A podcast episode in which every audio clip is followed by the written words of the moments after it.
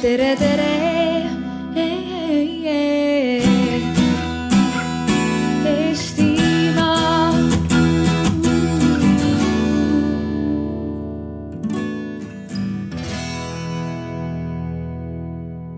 Tervist, kell on vahepeal lausa märkamatult jõudnud keskpäeva ja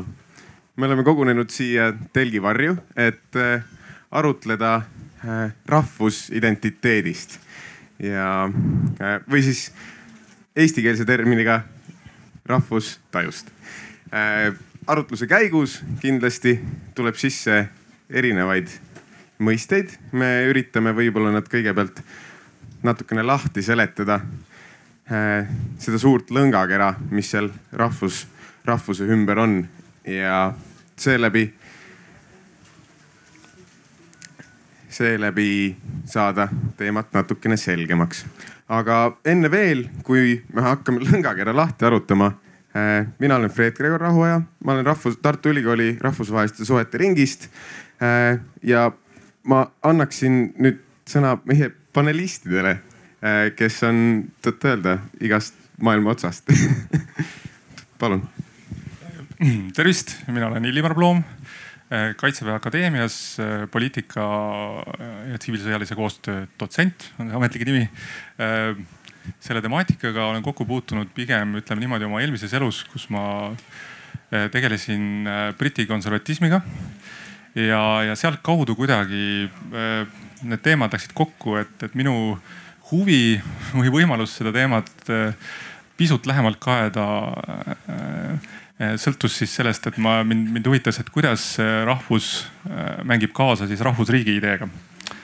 aga, aga võib-olla esialgu see ongi juba piisav.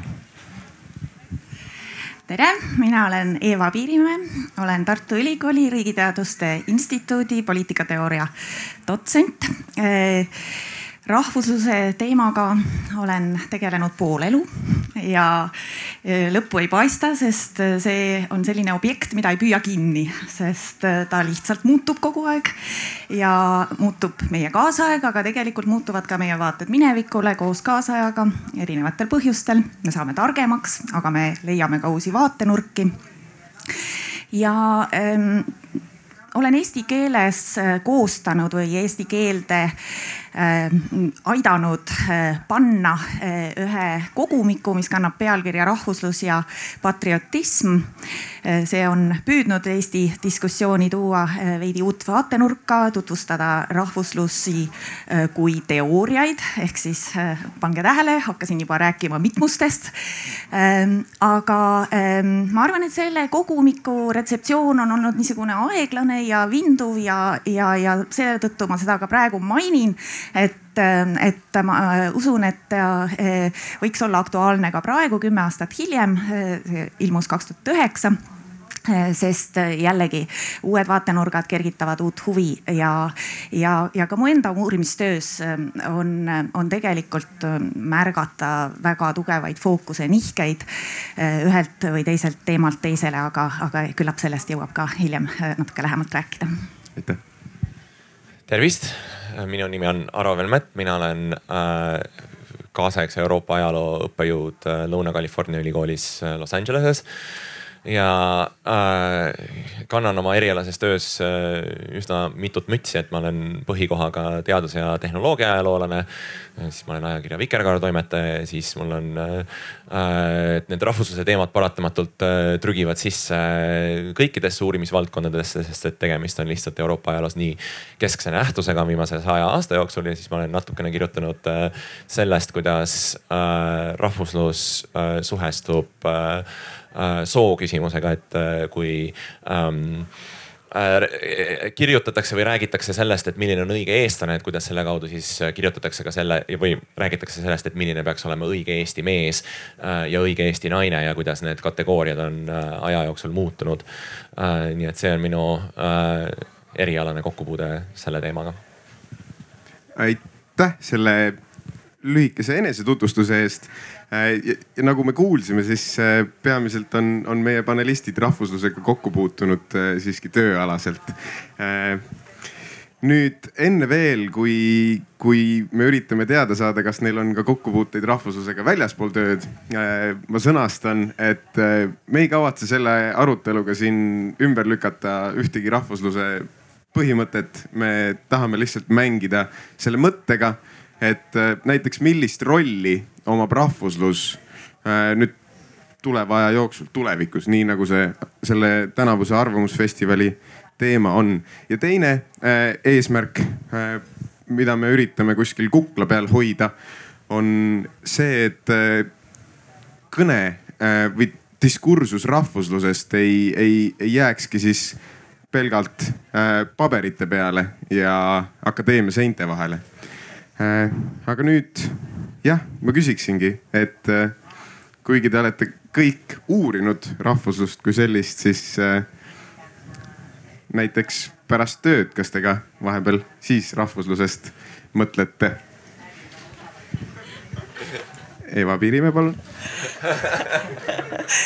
kas ma olen õige eestlane ja kas ma olen õige Eesti naine, eks ole et, et ja tähendab äh, ikkagi, äh, kui niiviisi töö kaudu selle isiklikuma küsimuse juurde jõuda, siis tuleb tunnistada, et, et eks on teatav niisugune ähm, enesetajude paljusus. ehk siis, et üks asi on rahvuslust uurida ja, ja mina uurin rahvuslust idee ajaloolisest vaatepunktist ehk siis mind huvitavad ajaloolised teooriad, ehm, mis on rahvuslusest ehm, mõelnud kui fenomenist, mis on seda püüdnud paigutada teiste fenomenide kõrvale. Ehm, aru saada, mis sorti nähtus see on, mida ta teeb moodsas riigis, mis kasu tast on või mis kahju tast on Eh,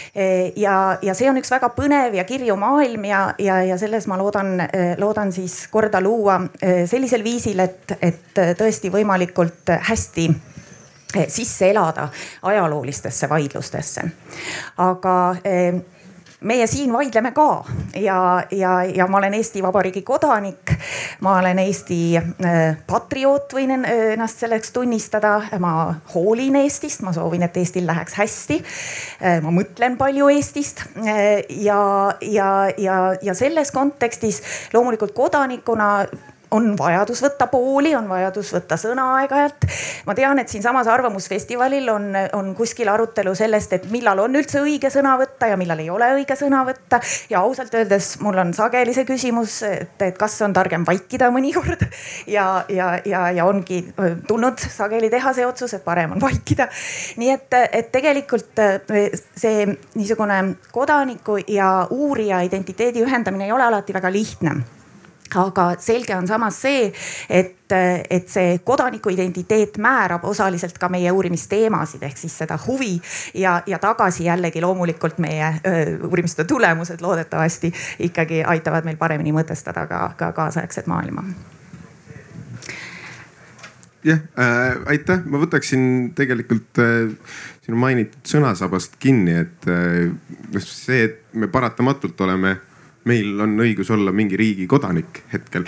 Äh, kõigil seda privileegi kahjuks ei ole. et äh, kas see võib ka äh, näiteks mõjutada teie tööd, tunnistades, et te olete just nimelt Eesti Vabariigi kodanik ja siis uurides, uurides näiteks, kas Eestit, Eestit uurida on nii-öelda õige näiteks või Eesti rahvuslust ähm,? Ma veel kiiresti hoian seda sõnajärge, siis, siis tegelikult mina ise uurin Eesti rahvuslust väga riivamisi, et mind huvitab äh, rahvuslus Euroopas äh, ja Eestis siis Euroopa osana äh, ja ja ma olen keskendunud tegelikult äh, saksakeelsele diskussioonile. aga üks minu selliseid äh, noh, võib-olla tõesti läbivaid jooni minu uurimistöös on olnud see, et ega see saksa diskussioon ei ole ka mingi ainult saksa diskussioon, vaid see on, see on tegelikult ikkagi, ikkagi diskussioon teiste Euroopa äh, rahvuskeel, teistes Euroopa keeltes kirjutatuga äh, ja Euroopa ütleme niisugune äh, kirjutav avalikkus on olnud ikkagi läbi sajandite mitmekeelne ja, ja vastastikku üksteist mõjutav. ja, ja, ja siit muidugi omakorda siis see seos Eestiga on tegelikult äh, see, et ähm, võib-olla algne tõuge hakata uurima rohkem saksakeelset äh, diskussiooniruumi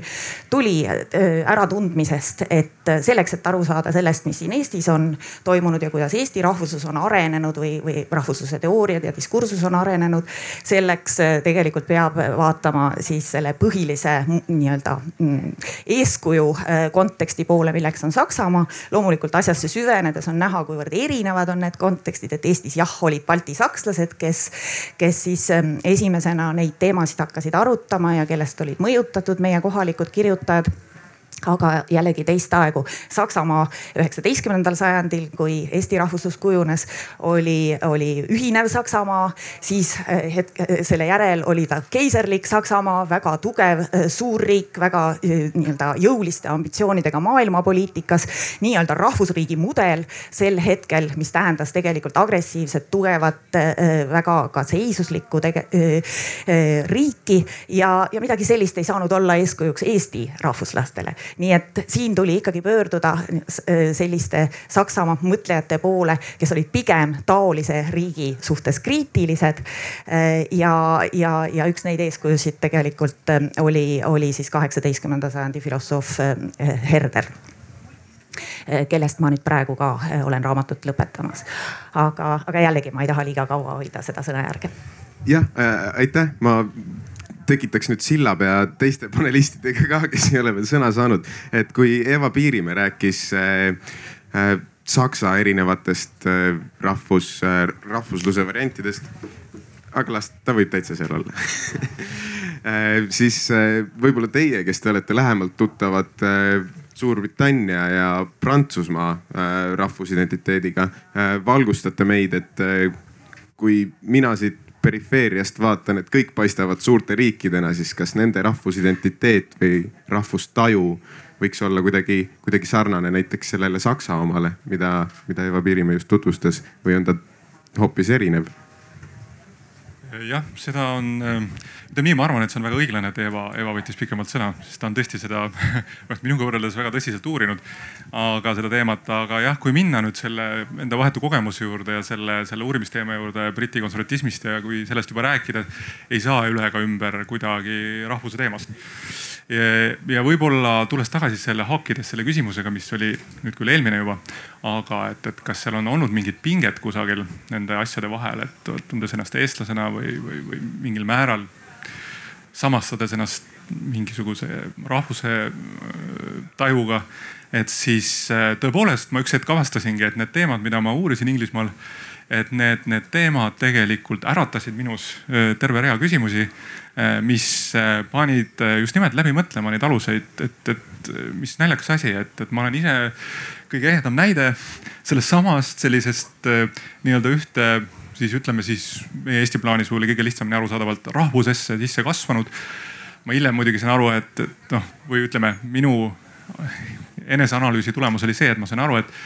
et, et see loomulikult ei ole ainuvõimalik viis neisse kasvada, vaid on väga palju erinevaid. et ei kasvata mingisse ühte kindlasse ja et on olemas väga palju erinevaid praktikaid, traditsioone, millest saab kasvada nende segusse, see, kuidas sa neis parasjagu osaled, kuidas sa neis toimetad ja, ja kusagil, aga kusagil seal on tõesti ka see abstraktne mingisugune selline samasus olemas, see, see, see taju, et ma kuulun mingisugusesse hiljem ma ütlen ka ikkagi selle kohta ikkagi ühiskond, mitte kogukond ja väga-väga kindlameelselt, aga, aga et, et ma kuulun sellesse, aga et see pole üldsegi mitte äh, probleemitu kuulumine. Ja, ja et, et see nüüd on võib-olla lühike sissejuhatus sellesse, sellesse pingesse, mis ma minema avastasin, uurides äh, Suurbritannias neid Briti konservatismiga seotud teemasid. Aga mis puudutab nüüd võrdlust äh, äh, Saksa ja Briti vahel, siis klassikaliselt muidugi on välja toodud, et, et, et Briti, Briti kui selline identiteet on väga sarnane või pigem sarnane äh, Prantsuse omale. et, et see on pigem selline poliitilise tagamaaga selline väga tugevalt nii-öelda teadvustatud äh,, sihitatud ja teine pool siis võib-olla mis tavaliselt äh, eside-, ütleme sageli ta, ta tuleb välja oma negatiivses vormis, kasvõi ka Brexiti puhul siis väike Inglismaa või väike, väike, väikeseks inglaseks olemine äh, otsetõlkes, et siis, et see võib-olla, sellel on mingisugust ühisust äh, rohkem sellise saksaliku, noh, mingi osaga saksalikust arusaamast, et tal on rohkem sihuke kultuuriline, äh, kultuuriline mõõde on seal, seal sees olulisem, et see on selline objektiivsem mingi asi, millest sa oled sündinud, milles sa oled kasvanud, millest niisama lihtsalt ennast vabastada ei saa. ja, ja aga konservatismi suhe sellesse kindlasti ei ole mitte ka sugugi ühemõtteline ja ühemõõtmeline vaid et, et ka seal on see väga suur küsimus, et, et võib korraga näha, võib korraga näha sellist äh, väike Inglismaa taolist suhtumist, mis on praegu ka väga suuresti sama see Brexiti teemaga seotud. ja täpselt samal ajal on äh, nii-öelda siis äh, vähemalt kahekümnenda sajandi alguses oli väga tugevasti kaalumisel või nii ka kutsuti seda konservatiivset partei kutsuti Unionist Party. et siis selle mõte oli väga tugevalt siduda kokku kogu see, mitte lihtsalt impeerium, see oli ka ja kõik need tähendused, need ma jätaks praegu välja võib-olla. aga kui mõelda nüüd Britanniast, siis, siis siduda kokku need erinevad rahvad ja, ja erinevad kultuurilised üksused ühte nii-öelda pilt Briti siis ma ei tea, kodanikukultuuri või midagi sellist. no neil oli muidugi oma versioone, neil oli väga palju eriversioone aga, aga võib-olla jah, võib-olla see on lühidalt. ma võib-olla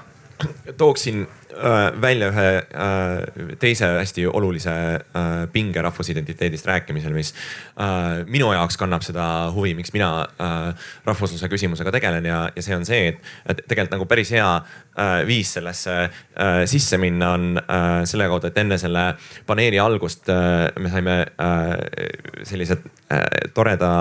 äh, Eesti teadusterminite nimekirja Peep Nemaltsilt. Äh, kus siis on antud identiteedile eestikeelne vaste enesetaju. Äh, ja see on minu meelest hästi huvitav, sellepärast et äh, see katab, kui me siis räägime rahvusliku identiteedi asemel rahvuslikust enesetajust, siis see katab ühe osa sellest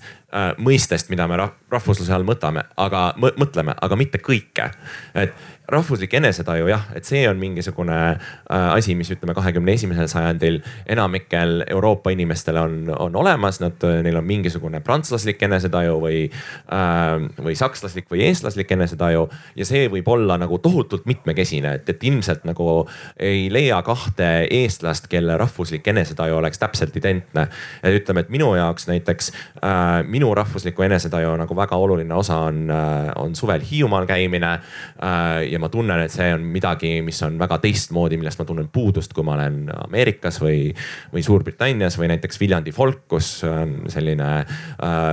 regilaulu miksimine mingi äh, džässi või metal'i või, või uuemate muusikavormidega, et see on see, mille kaudu mina oma eestlust elan. Ja võib-olla kellegi teise jaoks see ei ole absoluutselt nii oluline, kellegi teise jaoks on palju olulisem laulupeol käimine või äh,, või Siberisse küüditatute mälestamine. Äh, ja, ja noh, need kõik, ükski nendest ei ole nagu normatiivselt õigem kui teine, et kes olen mina äh,, eks ju, Eevale või Illimarile ütlema, kuidas nemad peavad oma äh,, oma eestlust tajuma, et see on nagu see üks dimensioon. aga siis see äh,, see teine dimensioon on see, mis puudutab äh, äh, rahvusliku identiteedi, identiteedi poliitilist külge, see, kus me räägime sellest, milline on see äh, poliitiline kogukond äh,, mida identifitseeritakse eestluse kaudu et kus me ei ütle mitte ainult, et, äh, et minu eestluse, minu enesetaju on selline, vaid me ütleme, et, et õige eestlase enesetaju on selline ja et mingid asjad, mingisugused äh, kombed, mingisugused käitumismustrid, kas on eestlaslikud või ei ole eestlaslikud, nad kas kuuluvad siia kultuuri või nad ei kuulu sinna kultuuri. Ja see on see osa, kus see ähm, Äh, rahvuslik identiteet muutub sellise rühma äh, kuuluvuse kehtestamiseks ja kellegi sealt väljaarvamiseks. see on see osa, mis, äh, mis mind huvitab. eeskätt sellepärast, et tegelikult, kui me hakkame vaatama ähm, seda, kuidas ähm, sellise poliitilise eliidi tasandil rahvuslasest räägitakse ja kuidas seda Äh, kuidas sellesse rahvusesse nii-öelda formaalselt kuuluvad inimesed seda identiteeti päriselt elavad, siis me näeme, et tegelikult see lõhe võib olla päris suur. et kui tuua lihtsalt ähm, üks näide, siis äh, ähm, noh, näiteks üks äh, palju äh, rahvusluse teemal äh, sõna võttev äh, äh, vanade suumerite uurija äh, armastab kirjutada palju sellest, kuidas äh, äh, läänest on imporditud meile terve hulk mingisuguseid ideoloogiaid, mis, mis meie kultuuriruumi ei kuulu, nagu näiteks äh, äh, radikaalne feminism ja siis minul ajaloolasena tekib küsimus, et, et mis me siis teeme Maria Reisiku ja, ja Lilli Suburgiga, kes äh, kahtlemata olid olid väga kõvad Eesti feministid kahekümnenda sajandi alguses, osalesid Eesti Vabariigi ülesehitamisel, eks ju, kellest Lilli Suburgit toetas tugevalt Karl Robert Jakobson. et, et kuidas me siis nüüd äh, ei loe teda äh, Eesti äh, ajaloo hulka kuuluvaks. Või me, või me nimetame sellest ideede traditsioonist võrsunud äh, teisi ideid mitte-eestlaslikeks, et ma, et äh, see, kuidas tekivad need käärid äh, selle äh, reaalsuse vahel äh,, mida siin territooriumil on, on elatud ja kogetud ja, ja tehtud ja selle vahel, kuidas me jutustame seda äh, lugu sellest, milline on õige rahvusidentiteet, et see on see koht äh,, äh kus tekivad, tekib terve hulk konflikte, mis minu jaoks on äh, äh, noh huvitav intellektuaalselt, aga, aga kahtlemata mul on selles ka äh, väga suur äh, isiklik steik, sellepärast et äh, äh, et lihtsalt minu arusaamad ajaloost lahknevad mõningate selliste äh, laialt levinud äh, rahvuslike narratiividega. Jah äh,, aitäh, mulle meeldib, et äh, sa tõid äh, tõid sisse selle, selle mõtte, öeldes, et äh, sinul ei ole õigust otsustada, kuidas, äh, kuidas teine eestlane võib enda eestlust tunda. aga ometi sa nentisid, et äh, ühel hetkel seda tehakse grupile, grupile laiendamiseks. kas ma siis küsiksin, et kes, kes see tohib seda teha? kui, kui sina ei tohi, tõenäoliselt ka mina ei tohi, aga kellel, kellel on, kellel on see õigus seda teha, gruppi niimoodi määratleda? Ma ei tea, midagi üks hetk kindlasti, aga jah. lihtsalt ma olen jah, see on suurepärane küsimus tõepoolest, aga ja, ja mulle tundubki, et see on väga-väga võib-olla ma eksin, võib-olla ma teen nüüd liiga eestlastele, aga, aga noh, et see on selline Ida-Euroopa, väga tugev Ida-Euroopa küsimus. ja mitte ainult muidugi, see on ka laiemalt, aga, aga, aga hästi tugevalt lööb see välja Ida-Euroopas. ja, ja äh, võib-olla, et kuna Aro juba, me juba enne rääkisime, et me, me, me üritasime otsustada omavahel, et kes, kes võtab mis rolli, et tekiks pinge siin diskussioonis. siis me muidugi avastasime, et pinget ei ole. siis me mõtlesime, et lavastame kiiresti, aga noh, ma ise jõudsin nii hilja kohale, me enam ei jõudnud lavastada ka midagi. siis me mõtlesime, et lavastame lava peal, et nii-öelda mängime siis kätte osad ja hakkame üritama siis nii-öelda mingit äh, ägedat vaidlust üles, üles võtta. aga, aga ma ei tea, kas see õnnestub, aga igatahes, mis mulle, mis mulle pähe kohe kargas, oli see, et igatahes Ago tõi nüüd, äh, Aro vabandust, Aro tõi sisse äh, selle, selle huvitava pinge. Ja mind ennast on võib-olla seesama pinge kõige rohkem köitnud, et mida see siis tähendab, kust see tuleb, miks see nii on? Ja just nimelt lõpuks seesama küsimus, et kes see siis otsustab. ja, ja, ja tegelikult muidugi see, kui selle küsimuse peale mõelda, siis äh, siis puhtpraktiliselt tõepoolest tundub, et ega me ei saa ju seda lõpmatult laiendada, sellepärast keegi ju peab otsustama aga tegelikult ma ikkagi pööraks selle ümber tagasi ja ütleks, et see ongi selle otsustuse küsimus, selle indiviidi otsustuse küsimus, kes tahab siia poliitilisse kogukonda kuuluda. kui ta on valmis nendeks, ma arvan ka mingil määral võib-olla ohverdusteks, aga miks mitte tegelikult isegi pigem selle kultuuri nautimiseks, selle poliitilise kultuuri. selle kultuuri, mis lubab võtta erinevaid rolle,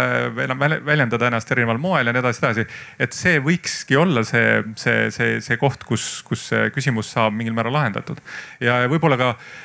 kust ikkagi see pinge tuleb, mul on üks selline hüpotees, ma ei tea, kui originaalne see nüüd on, aga, aga et mulle tundub, et vähemasti meie siin ja mitte ainult meie, vaid Ida-Euroopas laiemalt, me elame jätkuvalt kusagil äh, nii-öelda ütleme taasiseseisvumise eelses ajas kus meil oli väga tugev, kus meil oli väga tugev taotlus ja see taotlus kestis aastakümneid ja oluline, oli oluline seda taotlust välja kanda, saada vabaks aga see vabaks saamine väljendus äh, väga tugevasti eksklusiivsel moel, see oli peale surutud selle Nõukogude repressiiv nii-öelda mm, selle süsteemi poolt. Ja seega meie eneseväljendus oli selles mõttes eksklusiivne ja see oli nagu ütleme, kultuurilise rahvuse põhine ja, ja me, mulle tundub, et mulle endale ka võib-olla ma nüüd, see on nüüd võib-olla väga isiklik taju, ma ei, ma ei taha seda tingimata kõigile laiendada, aga, aga võib-olla siis minu enda näitel, et, et kui mul tuleb meelde, kuidas sai seistud Balti ketis enne seda ja mis tunded mind valdasid, siis, siis äh, et, et ikkagi ma pean ütlema, et, et minu jaoks oli ka hästi loomulik tajuda ennast osana mingist väga selgest, konkreetsest, ühtsest Eesti nii-öelda rahvuslikust ja ütleme tollal tagantjärgi seda nimetades pigem siis kogukonnaks. et sellest kogukonnast, et see oli minu jaoks väga,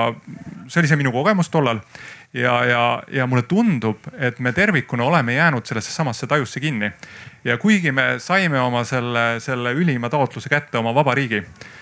saime kätte, siis tegelikult me jätkuvalt ei suuda justkui uskuda, et meil on see vabariik käes. ja tegelikult ma ütleks niimoodi, et selline kogukondlik ühtne, ühtne selline rahvuskehand ja rahvusluse mis iganes taju ja, ja kõik sellega kaasnev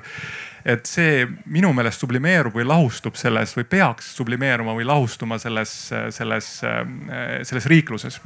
ja, ja, ja seega ka tegelikult võib-olla kõige ehedam väljend, väljendus sellele pingele on, on meie enda põhiseaduses, kus põhiseadus tervikuna on praktiliselt läbinisti, läbinisti õigusriiklik sealt äh, väga raske on leida, sinna võib muidugi natuke arutada. ma olen ise ka üritanud seda ühes kohas teha, aga, aga et, et võib natukene siit ja sealt võib justkui leida näited, et me võib-olla taotleme mingisugust rahvusriiklust, aga tegelikult on sellega ka, ma isegi ütleks, et, et neid on lihtne ka või ütleme, et nendega on võimalik vaielda, nende üksikute nüanssidega, aga läbivalt on Eesti põhiseadus õigusriigi põhiseadus. ja, ja et see on, see on õigusriik, millele kultuur läbi kultuuri me panime aluse. ja see on see koht, kus minu meelest see kultuur peakski sublimeeruma, kus ta loob need võimalused hakata elama individuaalset elu, hakata elama, kui tahta, ka tegelikult ka kogukondlikku elu läbi indiviidide valikute. aga just nimelt need kogukonnad saavadki kokku tulla siis ja nende pluralism saab võimalikuks siis, kui meil on olemas õigusriik ma jah, tegelikult mul ka on terve rida mõtteid, mis, mis siin selles seoses tekivad ei tea, kas tohibki nüüd nõustuda, et pidime ju vaidlema igaks juhuks kohe ei nõustugi, ehkki tegelikult tahaks. aga tooks välja võib-olla tõesti kaks hästi olulist aspekti selle rahvusluse teema mõtestamise juures, et, et tõesti ühelt poolt me võime rääkida sellest kui niisugust mina määratlusest, enesetajust, kes ma olen, mis ma olen, mida mulle tähendab rahvus. aga järgmine küsimus kohe on ikkagi see, et, et mida see tähendab mulle kui inimesele, kellel on oma eluprojekt, äh, kes soovib ennast realiseerida, mis on minu kohustused minu äh, kaaslaste suhtes, kes on mu kaaslased, eks ole.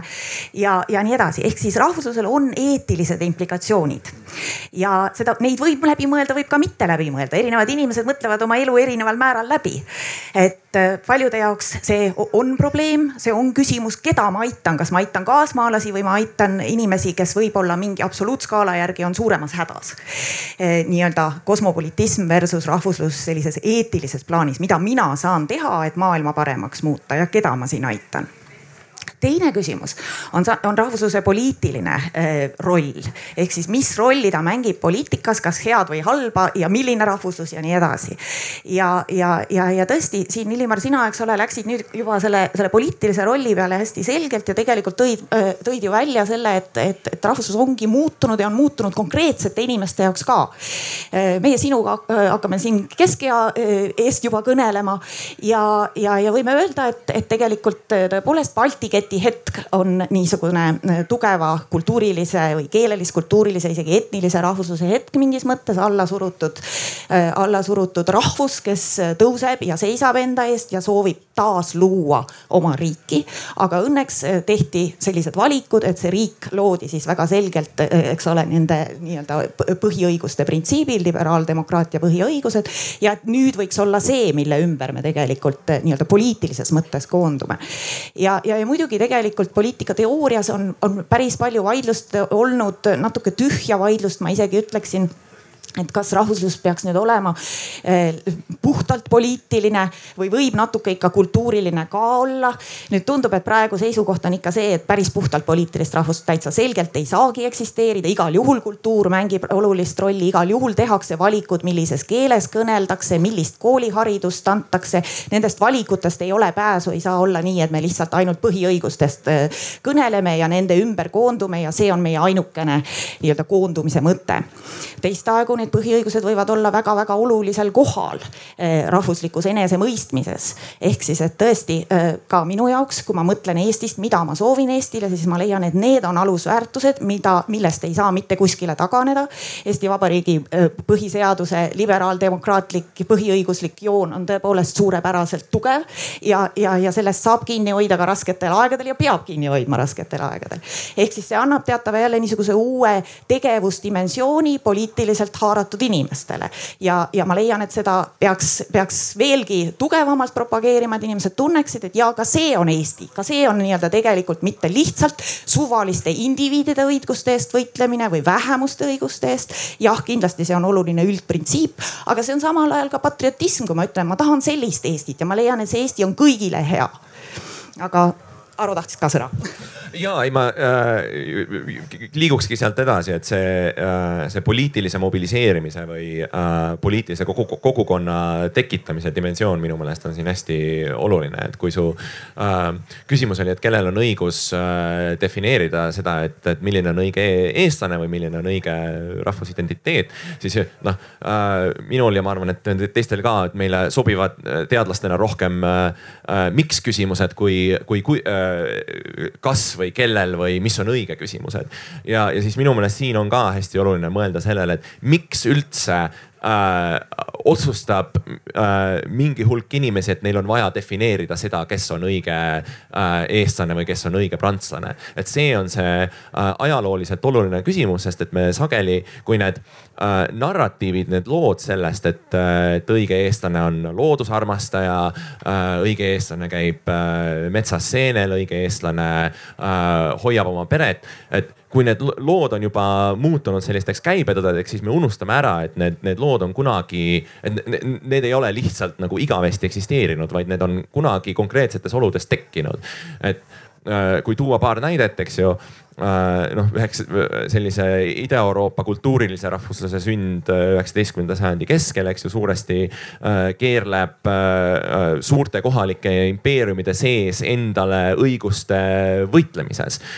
kus sageli on mingisugune tegelikult suhteliselt väikearvuline eliit, kes ei kuulu selle impeeriumi, noh näiteks Vene impeeriumi või, või Habsburgide impeeriumi sellisesse valitsejaklassi, kes leiab, et, et nad tahaksid rohkem õigusi, vabamat äh, sellist tegutsemisruumi, aga neil üksinda ei ole seda äh, sellist poliitilist kaalu, et neid endale välja võidelda, et neil on vaja luua mingisugust laiemat koalitsiooni. ja, ja siis see lugu, mida me näeme näiteks äh, Austria-Ungaris, Poola aladel, aga tegelikult ka siin Vene impeeriumis Eesti aladel on see, et, et, et selleks ähm, selleks koalitsiooni loomiseks ongi siis sellise ühtse rahvustunde äh, tekitamine eliidi ja siis ütleme nii-öelda talurahva vahel, et, äh, et hakatakse jutustama ühte lugu, kus, äh, kus tegelikult meil on mingisugune ühine minevik, mis keerleb ühiste mingite kultuuriliste traditsioonide, rahvariiete, folkloori ümber ja, ja, ja siis tegelikult nagu nähakse väga-väga palju vaeva, et kui vaadata näiteks, kui keeruline oli sellise ühtse Poola identiteedi tekitamine äh,. Vee, talupoegade veenmine, et neil on midagi ühist selle kunagise aadli keisririigiga, Žespospolitaga. et, et see võt-, see nõudis ikka aastakümneid äh, mööda äh, külasid ringi reisimist ja folkloori kogumist ja siis teistele selle seletamist, et, et tegelikult nagu need äh, külatraditsioonid, mis pealtnäha ei näe üldse sarnased välja, on tegelikult väga sarnased, kui me lähemalt vaatlema hakkame Äh, et noh, see on üks näide, ütleme teine näide Eesti kontekstist on, on seesama äh,. eestlased on, on metsarahvas, eks ju, me elame äh, metsa ja linna piiril, meil on ühes taskus iPhone ja teises taskus äh, äh, seenenuga Äh, et, et see tegelikult, kui sa äh, nagu läheksid üheksateistkümnenda sajandi lõppu kuskile äh, siia Eestimaa aladele ja küsiksid näiteks mõnelt baltisakslaselt, et kas eestlased on metsarahvas, siis kõigepealt ta, see baltisakslane ilmselt küsiks vastu, et oota, kes need eestlased sellised on. et sa mõtled neid, neid tüüpe seal Viljandi ääres kuskil külas või? Ahah, nemad on ju kuradi metsavargad, et meie siin üritame äh, väärtustada loodust, aga nemad lihtsalt nagu tirivad neid endale mingite laudteede ehitamiseks. Äh, et see, see narratiiv tegelikult suuresti äh, pärineb äh, nõukogude aja teisest poolest, sellisest hilistsotsialismist, kuuekümnendatest, seitsmekümnendatest ja on väga otseselt seotud tärkava keskkonnakaitse liikumisega ja siis e eeskätt, eks ju, selle perioodiga, kus hakati mobiliseeruma selliste suurte nõukogude tööstusprojektide vastu, eks ju, fosforiidisõja lugu ja nii. Ähm, et um, et, et ka seal, et see, see, see lugu eestlasest, eestlastest kui metsarahvast ei ole äh, tekkinud kuskil niimoodi äh, ex nihilo aastakümnete või, või sadade vältel, et see on tegelikult äh, äh lugu, mis on tekkinud väga konkreetses hetkes ähm,. ütleme ja kolmanda näitena, et, et need on olnud võib-olla sellised pigem nagu positiivsed näited äh,. aga noh, sageli tehakse seda ka väga pragmaatilistel ja, ja, ja sellistel ähm, äh, noh, ütleme isekatel kaalutlustel, et, et äh, lugu, et eestlased on, äh, on ikka saunas viina võtnud ja äh, et Äh, sellises külmas ilmas äh, talvel ellujäämine vajabki nagu natukest kärakat ja, äh, ja et odav alkohol kuulub meie, meie kultuuri juurde, eks ju, ei ole ka lugu, mis, mis on alati niimoodi olnud, et kui me vaatame ajalooliselt eestlaste alkoholi tarbimist, siis see on olnud tegelikult väga teistsugune, kui ta praegu on. näiteks ütleme naiste alkoholi tarbimine pärast taasiseseisvumist lihtsalt nagu sööstis taevasse raketina ja ka absoluutarvudes on need äh, tarbitud alkoholi kogused ajalooliselt ikkagi oluliselt väiksemad olnud. aga mingil hetkel äh, üheksakümnendatel äh, leiti või õigemini alkoholi, suured alkoholitootjad leidsid, Liviko, Carlsberg, nii edasi, et see on väga hea lugu, millega siduda oma äriprojekt, et kui me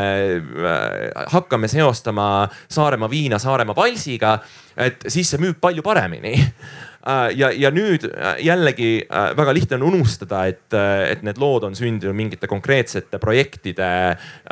kiiluvees ja lihtsalt võtta seda kui mingisugust antust mm. -hmm et tahtmata äh, nüüd otseselt vastu vaielda, natuke tooksin ühe teise külje rahvusluse ajaloost, et, et, et ja ühelt poolt on küll nii, et,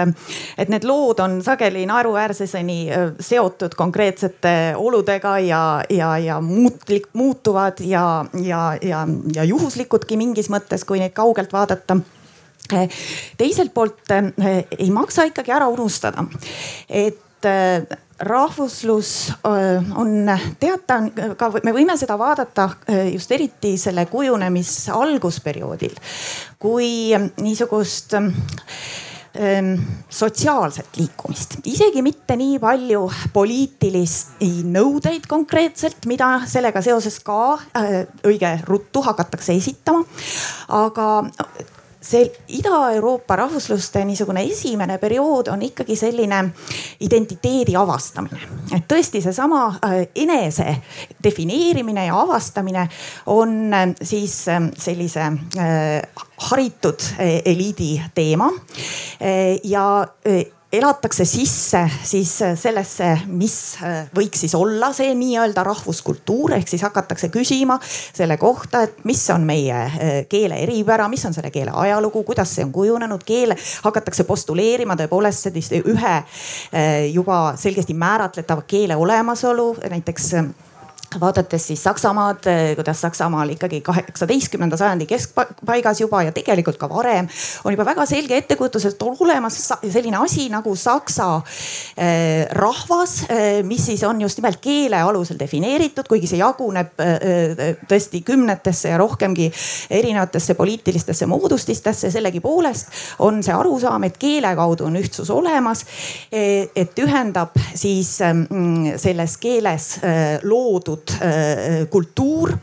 Äh, selle kaudu see tegelikult laieneb ka ainelisse äh, maailma ehk siis ikka nii-öelda materiaalne kultuur, ka needsamad kombed, eks ole, postuleeritaksegi, et siin on mingisugust laadi niisugune ühtsus selles no,. midagi, mida, mida, mida tuntakse ka siis nii-öelda rahvuskarakteri te teooriate või rahvus, rahvusvaimu teooriate all. ja siin on tegelikult väga erinevaid ettekujutusi sellest, et sageli jällegi kiputakse ütlema nüüd tänapäevase vaatega, oh nad kõik essentsialiseerivad, kõik räägivad mingisugusest olemusest, otsivad seda olemust ja, ja defineerivad, et on üks ja ainus. tegelikult see diskussioon on palju-palju mitmekihilisem. Ja see on, selle taust on, on päris filosoofiline, ühesõnaga ikkagi tekibki selline ettekujutus, et keeles väljendub maailmataju. et see on mingisugune eriline asi, mis väärib hoidmist, arendamist, säilitamist. mõelge ka tõepoolest, et miks me siin Eestis ütleme, et Eest, hoi, hoiame oma ilusat eesti keelt või arendame oma eesti keelt. ka tegelikult see hoidmise ja arendamise tasakaal on niisugune õrn asi, eks ole et, et, et vahel siin on erimeelsusi, on neid, kes ütlevad, et peab hoidma puhtana, ei tohi laenata. teised ütlevad, et, et vastupidi, arendame, mõtleme ma tänapäevase maailma asjad läbi eesti keeles ja miks mitte ka teinekord ikkagi, ikkagi kodustades teiste keelte mõisteid see diskussioon on tegelikult vana ja, ja, ja selle juured tõepoolest on siis selles niisuguses mm, tõdemuses, et see on väärtuslik, et maailm on, on mitmekesine, et on palju erinevaid rahvaid, neil on midagi erilist igalühel. mina leian enda oma erilise üle, üles ja hoian seda.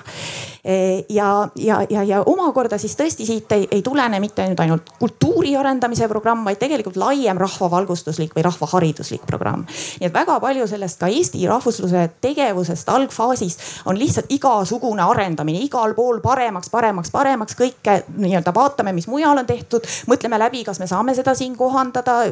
loome seltse, mis tegelevad propageerimisega vabatahtlikest pritsimeestest kuni, kuni siis nende samade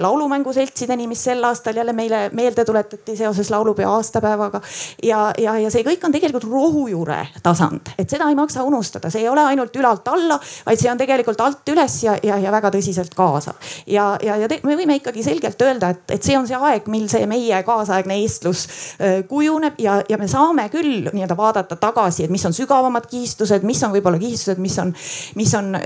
läbi aja ka äh, olnud stabiilsemad. ja samas loomulikult me ei saa välistada, et, et, et väga paljud asjad ikkagi on, on ka lõplikud, isegi kui nad on kaua kestnud, võivad nad üks hetk lõppeda ja ma äh, absoluutselt äh, nõustun Eevaga, et mu meelest siin on äh,, et komplitseerida veel rohkem seda lugu äh, rahvuslikust identiteedist, et, et üks dimensioon, millest me oleme siin hästi palju rääkinud, on, ongi just rahvuskultuur, mis ei ole tingimata seesama äh,, mis rahvusriik, et ne, tegelikult nende kahe mõiste ajalood on, on võrdlemisi erinevad, et me äh,, kui üks nendest küsimuse püstitustest, mis äh, mis meile enne seda arutelu saadeti, oli see, et kas rahvusriigil on tulevikku. Äh, siis äh, minu esimene reaktsioon sellele oli, et kuulge, et rahvusriigil on vaevu minevikku. et tegemist on niivõrd uue nähtusega, et rahvuskultuurid ja absoluutselt. sellest, nende puhul me võime rääkida, eks minna tagasi üheksateistkümnendasse sajandisse, aga, aga selline maailm, kus iseenesest mõistetav antus on see, et, et rahvusel on oma riik riik ja rahvus on äh, mingil määral nagu territoriaalselt äh, äh, identsed või samasugused. see on noh, sellist maailma äh, kindlasti ei ole see maailm üheksateistkümnendal sajandil, kahekümnenda sajandi algusel, tegelikult isegi mitte tuhande, pärast teist maailmasõda kuni tuhande üheksasaja kuuekümnendaid. et võib olla näiteks riik, kus on selge domineeriv rahvuskultuur, nagu ütleme Prantsusmaa kahekümnenda sajandi alguses, mis on, kus on selgelt Prantsuse vabariiklus, äh, selline Prantsuse revolutsiooni põhimõtetele äh, väga selgelt selle Prantsuse heksagooniga piiritletud äh, äh, nähtus, aga mis riigina on impeerium mis, kuhu muuhulgas kuuluvad äh, vietnamlased, senegallased, äh, terve hunnik territooriume Lääne-Aafrikas, Kesk-Aafrikas, Madagaskaril. Ähm, et see on täiesti üks variant ja see ja prantslased ei näe selles vastuolu, nad ei, neile ei tundu, et, et selles on kuidagi midagi valesti või et kedagi on liiga palju või, või et või et vastupidi, et kõik need prants-, kõik need aafriklased peaksid tingimata saama prantslasteks. Neile tundub, et nad võivad saada, kui nad tahavad, aga nad ei pea ja isegi tegelikult oleks parem, kui äh,, kui nad ei saaks ähm,. ja siis või siis, või siis teine variant, et sul võib olla rahvusriik, kus äh, äh, väga suur hulk selle rahvusriigi elanikest ei tea, et nad on rahvusriigis, et äh, äh noh, see on lihtsalt üks anekdootlik näide, aga ähm, aga näiteks äh, Tšehhoslovakkia äh,, eks ju oma esimestel aastakümnetel äh, kindlasti ei olnud riik, kus kõik inimesed pidasid ennast tšehhideks või, või tšehhoslovakkideks, et äh,. üks tore lugu on, on sellest, et kui pärast teist maailmasõda käidi Böömimaal ringi ja, ja üritati siis äh, sõjajärgses äh, kaoses nagu aru saada, et kes, kes kuulub Saksamaale, kes kuulub Tšehhimaale või Tšehhoslovakkiasse ja küsiti siis inimestelt, et kas sa oled nagu oled sa siis tšehh või sakslane ja siis äh, väga sageli vastati neile, aga kes rohkem maksab et tõesti, et kui sa oled elanud, kasvanud Böömimaal põhimõtteliselt kakskeelses äh, ühiskonnas, äh, siis see, et sa paarkümmend aastat oled elanud äh, ennast rahvusriigiks defineerivas poliitilises kogukonnas, ei pruugi tähendada suurt midagi, et, et see maailm, kus me võtame iseenesestmõistetavana, et, et eestlased elavad Eestimaal ja, ja Tšehhimaal elavad tšehhid, see on tegelikult väga, see on, see on veel, veel noorem maailm kui, kui, kui isegi paljud sellised ähm, Äh, sotsiaalkonstruktivistid arvavad tegelikult ma hea meelega tooks näite ka Eesti kohta. ma hiljuti kuulsin, kuulsin, ma ei tea, miks ma varem pimeduses elasin, aga et, et osaliselt äh, seletus sellele, miks äh, Põhja-Lätis on mitmesuguseid eestikeelseid nimesid asulatel ja, ja, ja üks seletus sellele, ma ei tea, kui ammendav, aga ma ka täitsa kujutan ette, et see on võimalik. üks seletus sellele ajaloolaste poolt on, on, on see, et, et kui oli siis, kui oli see iseseisvumise hetk ja iseseisvus nii Eesti kui ka Läti, siis nendel konkreetsetel keelekondadel või küladel või mis iganes üksused nad tookord siis, kuidas nad ennast identifitseerisid, et, et nende, nende küsimus oli pigem selles, et, et kas järsku, kui see piir siia vahele tekib, nende tavapärane turg, Riia jääb neile kättesaamatuks ja selles kartuses, et see võib nii juhtuda, otsustasid nad minna, minna Läti poolele. nii nagu meie praegu viimane kuulsusrikas haldusreform on toiminud, et, et liigutanud üksuseid äh, mingisuguse, ma ei tea, selja-aju-taju pinnal ühele või teisele poole. aga et, äh, et, et äh, ma võib-olla ühe asja võtaks veel üles, et mulle endale tundub ja see võib olla täitsa minu isiklik kiiks, aga et võib-olla tahtes kuidagi anda sellele mingit mõistuslikku noh jah, jällegi väga isiklik tunnetus, anda sellele mingisugust kehtivat sisu sellele terminile rahvusriik, siis ma läheks Arost äh, veel sammu kaugemale ja ütleks, et mul endal on päris raske kujutada ette väljaspool väga üksikuid episoode mingisugust sellist rahvusriiklust, kus tõesti nii-öelda väga selgelt kultuuriliselt ühtne tihedate sidemetega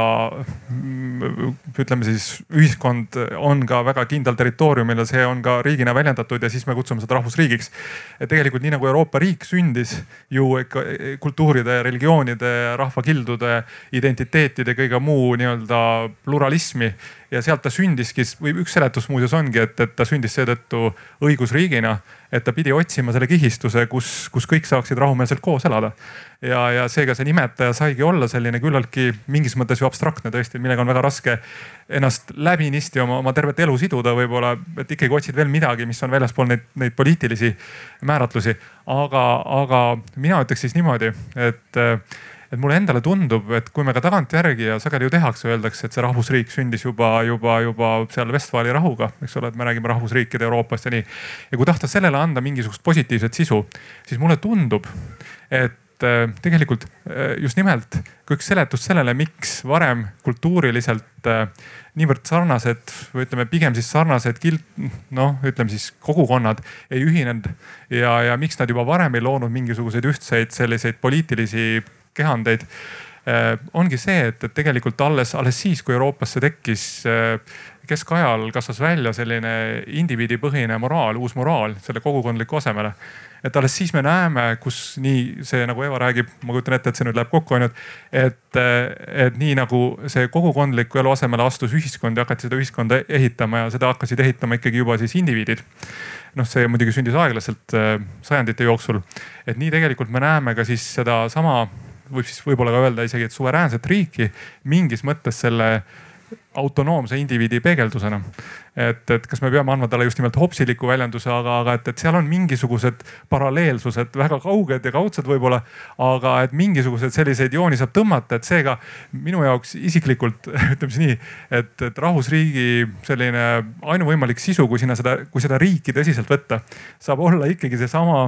Äh, ütleme siis suveräänne õigusriik ja suveräänsus võib olla ka tema esmases taotluses, ei pea olema tingimata see, kes ennast mingisuguse, ütleme siis näiteks äh, Vene Föderatsiooni arusaama kombel peab kehtestama viie tugevama seas äh, läbi ÜRO Julgeolekunõukogu ja seega kõik teised peavad alluma nende dressuurile. vaid et see ikkagi võiks olla midagi, mille taotluses endas on juba sees see võrdväärsuse, võrdväärsuse ideaal ehk siis, et, et tegelikult ja kui me küs-, kui ma nüüd lähen veel ühe sammu, niimoodi hüppan kiirelt, aga, aga et kui, kui ma astun veel ühe sammu edasi ja küsiks siis seda, et, et kus selline eh, võrdsuse taotlus võib-olla kõige rohkem tänapäeva maailmas on väljendanud, siis naljakas, nii naljakas kui see ei ole, minu meelest on see Euroopa Liit et meil on, minu meelest ei ole võimalik leida teist sellist moodustist, kus me näeme suveräänseid riike niivõrd erineva kaaluga, majandusliku, mis iganes kaaluga, eks ole, mm, äh, kogumit riike niivõrd võrdväärselt üksteisega suhtlemas. ehk me saame rääkida mingis mõttes metaõigusriigist. ja kui meil on muidugi juba raske ennast identifitseerida selle poliitilise nii-öelda riiklusega, suveräänsusega, siis te kujutate ette, kui raske on ühel tavalisel eurooplasel ehitada kõikidele oma perekondlikele, kogukondlikele,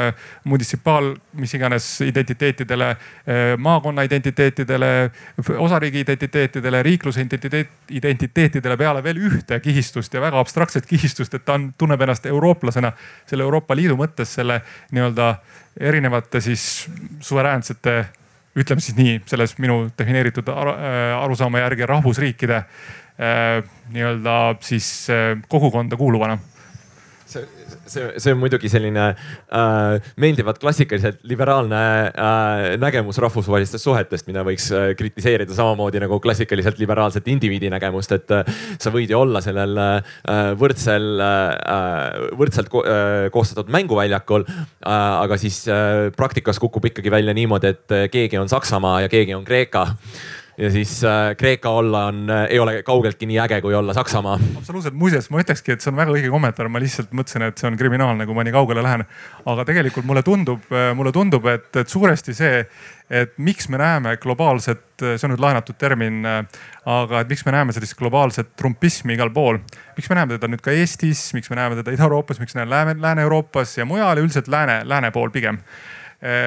et äh, ta ikkagi on väga tugevasti seotud selle, selle finantskriisiga ja nüüd siis hiljem juba siis majandusse lastud majanduskriisiga. ja tegelikult ma ütlekski, et Euroopa Liidu ajaloos kahjuks või õnneks, ma ei tea, teoreetikule võib-olla õnneks ongi võimalik põhimõtteliselt eristada kahte perioodi. ühte sellist, kus pigem Äh, ütleme üks periood, millesse võib võib-olla veel paigutada näiteks Kreeka, Portugal, Hispaania vastuvõtmise, kus väga selgelt üritati vastu võtta riike, mis äh, olles pisut majanduslikult maha jäänud, siis neid üritati ka äh, aidata sellele tasemele, et nad saaksid olla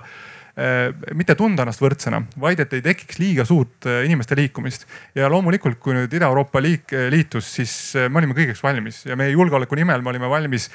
selleks ja isegi praegu meile tundub, et see on väga-väga tore, et me saame minna tööle ükskõik kuhu ja tohutult suurtel arvust, arvud, äh, suurtel arvudel ja suurtel kiirustel. aga et et, et, et, et tegelikult äh, alates kuskil seal kaheksakümnendatest, kui me vaatame, mis on määranud Euroopa Liidu sellise nii-öelda päris toimimise režiimi, siis kõigi nende ilusate ideaalide varjus on ikkagi astunud tööle üks selline thatcheristlik äh, neoliberaalne turumajanduslik süsteem, kus täpselt ongi hakanud ikkagi lõpuks valitsema see, äh, ütleme siis see negatiivne, negatiivne mm, negatiivne viis sellest liberaalsest, ütleme siis neoliberaalsest ühesõnaga on astunud ellu selline neoliberaalne tegelikkus, kus äh, Äh, ja me näeme seda tegelikult ka Eesti näitel, et nii nagu äh, Saksamaa väga tugeva, väga kõrge tootlikkuse, tootlikkusega riigina tõmbab endale nii kapitali kui inim, inimesi. Äh, ja, ja teised nagu Holland ja, ja mõned veel seal, eks ole Austria ja, ja nii edasi, et, et, et mõned, mõned teised tsentririigid veel. aga täpselt samamoodi me näeme, et Eestis see toimub. et Eestis, nii nagu Euroopa Liidus tervikuna puudub praktiliselt regionaalpoliitika, sellest küll väga palju räägitakse. sellest imepisikesest eelarvest läheb väga suur osa eh, regionaalpoliitikasse, aga sellest ei piisa kaugeltki loomulikult. ja, ja, ja, ja, ja tegelikult ja mida me näeme Eestis, me näeme, ma ütleks kahjuks ja ma arvaks, et väga tüüpiliselt Ida-Euroopale me näeme selle analoogi, väikest mudelit, kus Eesti vabatahtlikult oma riigi sees on otsustanud, et me ei jaga praktiliselt midagi ümber. kõik läheb isevoolu teed ja just sellepärast oli Jüri Mõisal õigus, kui ta kunagi ütles, et kõik tulge Tallinnasse. mitte selles mõttes, et te peate tulema Tallinnasse, vaid ta tegelikult ütles ära, mismoodi meie elu hakkab toimima ja see paraku läkski nii. ja nüüd mulle tundub, et me nopime nende vilju, nende, nende valikute vilju. et meil ei ole olnud sellist äh, korralikku regionaalpoliitikat ja kui me nüüd tunneme ennast ohustatuna ja tegelikult väga praktilistel põhjustel, siis taval, ma ütleks, et tavaline põlvenõksu äh, refleks on see, et, et me ei väljenda seda mitte minnes selle probleemi juurde ja üritades mõelda, mida me tegime praktiliselt valesti ja kuidas me võiksime oma elu siin mõistlikumale alusele seada. vaid me pigem kipume võtma välja mingid sümbolid ja mingid muud asjad ja hakkama nendega lehvitama ja, ja siis ütlema, et süüdi on tegelikult need, kes siia tulid ja, ja, ja või kes veel pole tulnud, aga kavatsevad tulla. ja, ja, ja kõik muud sellised asjad ja, ja klassikaline näide sellest on Suurbritannia, eks ole, kui seda on ju mõõdetud, et need me, meie enda, ütleme meie enda kaasmaalased, kes sinna suurel hulga kaupa ja suurel kiirusel liikusid kunagi ja mitte ainult Eestist, vaid eriti Lätist. meil on see väike olnud, aga Lätist ja Leedust ja, ja niimoodi ja mujalt Ida-Euroopast, et tegelikult nad on Suurbritanniale toonud sisse väga-väga palju kordi rohkem, kui nad on sealt toetuste näol vastu saanud ja, ja, ja, ja, ja tegelikult Suurbritannia on selles mõttes sellest väga-väga palju kasu saanud. iseküsimus on see, et, et, et Suurbritannia riigina pole ilmselt olnud suuteline seda, seda protsessi tasakaalustama ja, ja, ja seda, seda, seda jõukust nii-öelda ümber jagama. aga mulle tundub, ma ei tea, ma olen väga pikale läinud, aga, aga et, et, et mulle tundub, et seal nende selle, ka selle, see rahvuse teema, sellise kuuma oleku põhjus võib olla väga, vägagi proosalistes asjades ja, ja valikutes Arvo vaatab minu otsa, et, siin on tegelikult mitu äh, erinevat asja, mida, mida, mida peaks ähm, võib-olla natuke diferentseerima, et äh, et kõigepealt muidugi see rahvusriigi ajaloo, ajaloo teema on, on selles mõttes ikkagi keeruline, et, et, ähm, et, et see ei ole ka ideaalina olnud väga pikalt äh, tegelikult äh, käibel, et ütleme nii, et, et see rahvusriigi kujunemine varauusajal on tegelikult lihtsalt riikluse kujunemine. et täiesti, täiesti selge äh, fenomen, nii-öelda tugevad konsolideeritud riigid ühe õiguskorraga, mis siis Euroopa südames tekivad, millel on ka väga tugev imperiaalne ja kolonialistlik välispoliitika, noh siin juba, eks ole, selgelt Prantsusmaa, Inglismaa, peagi Suurbritannia ja, ja, ja nende riikide puhul ähm, esialgu on lihtsalt näha äh, seda, kuidas avalikus retoorikas tekib niisugune äh, enesemõtestamine äh, rahvana. ehk siis lihtsalt esitletakse seda, mida teeb Prantsusmaa või seda, mida teeb Britannia kui Inglise või Prantsuse rahva suuri tegusid ehk siis sõdade kaudu tugevnev riiklik identiteet. ja, ja, ja see on siis mingis mõttes see, mida võib siis siduda rahvusriigi esimese niisuguse öö, öö, lainega. aga teine ja äärmiselt oluline asjaolu on ikkagi nende riikide demokratiseerumine ja, ja, ja Inglismaal järk-järgulisem, Prantsusmaal äkilisem, eks ole. aga, aga küsimus on, on, on seal ka väga tugevalt ikkagi tõesti siis selles, et, et mis asi see natsioon motivatsioon seal on? oi küll, see on segane küsimus, nii palju erinevaid vastuseid ja, ja sugugi mitte nii, et prantslastel on üks vastus ja inglastel teine, vaid koha peal vaidlus, mis, mis, mis on väga äge ja, ja, ja jääb püsima. ja, ja, ja tegelikult jällegi, et rahvus osaleb sel, selles mõttes see on nüüd rahvusriik, et rahvusel on sõna kaasa rääkida, ta on demokraatlik ja motiveeritud. ja, ja, ja, ja teiselt poolt eh, ikkagi küsimus, et kuidas ta peaks nüüd teiste rahvusriikidega suhestuma. ja ma ütleks, et üks niisugune tõesti ikkagi äärmiselt jõuline ajalooline muutus, mis on toimunud kahekümnendal sajandil ja pärast teist maailmasõda, on siis ikkagi tõesti see arusaam, et, et rahvusvaheline eh, kord võiks olla midagi, mis ei ole otseselt eh, nii-öelda võimuvõitlus väärtus. Eh, see nii-öelda koostöö otsimine, seda on olnud palju ka enne, aga ütleme eh, seda nii-öelda eh, erine-, jällegi erinevates vaidlustes. aga pärast teist maailmasõda muutub see niisuguseks tõesti selleks alusideeks midagi, mis, mis, mida nüüd kirjeldatakse ka lihtsustavalt kui liberaalne maailmakord, eks ole, me kõik teame, et, et sellel, see, see on idealistlik vaade ja, ja, ja, ja endiselt äh, nii-öelda reaalsusega on sellel, sellel ka Trumpi eelsel perioodil olnud, olnud vähe pistmist. aga ikkagi ideaalina see, see idee, et, et rahvusvahelised suhted on koostööle orienteeritud ja, ja, ja üles ehitavad selle asemel, et jagada võimusfääre ja nii jääbki, eks ole. ja, ja, ja, ja see, seda muutust on, on, on hästi oluline teadvustada lihtsalt selles mõttes, et see on muutnud ka, ka nii-öelda rahvusriigi kuvandit ikkagi, et kui rahvusriik on see hea rahvusvaheline kodanik, kes siis soovib sellist nii-öelda koostöösuhetele arendatud süsteemi ülal hoida, siis me saame seda vaadata teisiti kui siis, kui me vaatame rahvusriiki kui tõesti midagi, mis ennast proovib iga hinna eest kehtestada kui teatud nii-öelda piirkonna liidrit ja ideaalina ikkagi ma arvan, et sellest on raske lahti öelda, et on niisugune, niisugune nii-öelda võrdsusele ja partnerlusele suunatus. ja, ja kui nüüd Ilmar, tõesti sa tulid siin Euroopa Liidu juurde öeldes, et, et noh, et siin ikkagi on seda ideaali püütud teatud tasanditel, eks ole, eh, mis puudutab siis, eh, siis tõesti need nii-öelda eh, üks, üks riik, üks hääl osades Euroopa Liidus, eks ole, see on selgelt, selgelt ainult määratletud tasanditel nii, siis, siis tegelikult see on, see on niisugune jällegi ähm, idee, mida on tarvis äh, tähtsustada ja, ja, ja öelda vastu kõigile neile, kes ütlevad, et noh, et Euroopa riik on rahvusriikide vastu, eks ole. ma arvan, et see võis olla üks sinu selliseid, selliseid teese siin, et ei ole õige kergekäeliselt samastada seda mingisuguse varjatud äh, föderalistliku mudeliga, mis peaks, eks ole, viima siis sellise äh, nii-öelda tsentraliseeritud süsteemini a la Ameerika Ühendriigid, mis hoolimata, eks ole, siis sellest ikkagi osariikideks jagunemisest omab väga tugevat keskvõimu. et, et, et see, see on, see on nüüd see tänapäeva reaalsus ja see on tõesti see küsimus ka, mis me siis nüüd küsime, et noh, et mis me siis nüüd ikkagi peale hakkame, et kas see on nüüd siis nii õudselt kurb, et Euroopa Liidus see föderatsioon ei ole teostunud ja praegu on selgelt näha, et need lootused sotsiaal, sotsiaaldemokraadid on neid, eks ole, kandnud traditsiooniliselt ja, ja ka kommunistid Euroopa Liidu algusaegadel. et, et see on, on tegelikult nüüd maha käinud, et kas see on kurb kurb. ja võib-olla tõepoolest see, see, see ei ole selles mõttes kurb, et see on teatav kainenemine, arusaamine ka ikkagi nii-öelda poliitiliste kogukondade loogikast. ja, ja, ja mingis mõttes ikkagi võimalus äh, väärtustada seda, mis juba on saavutatud, ehk siis hoida tõepoolest seda õigusriikluse ideed oma rahvuslikul tasandil ja samas propageerida siis seda nii-öelda hea, heade suhete ja koostöösuhete vaimsust, mis peaks olema üle piiri aga, aga teiselt poolt muidugi, mis sa siin väga õieti ka välja tõid,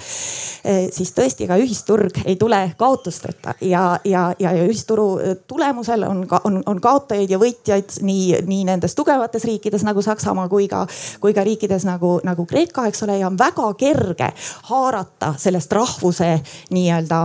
noh kujundist. Ja, ja, ja selle taha siis koonduda ja öelda, et vaat meile on liiga tehtud, see on tegelikult selline institutsioon, mis teenib ainult ühe grupi grupi huve ja, ja, ja noh, ma arvan, et, et, et siin on nüüd, siin on nüüd tõesti vaidlusküsimus, kas see üks grupp on siis tõesti kitsas, kitsas ärieliit või see grupp on, on, on palju laiem ja kui lai ta nüüd on ja, ja mida peaks täpselt tegema. ütleme niimoodi, et, et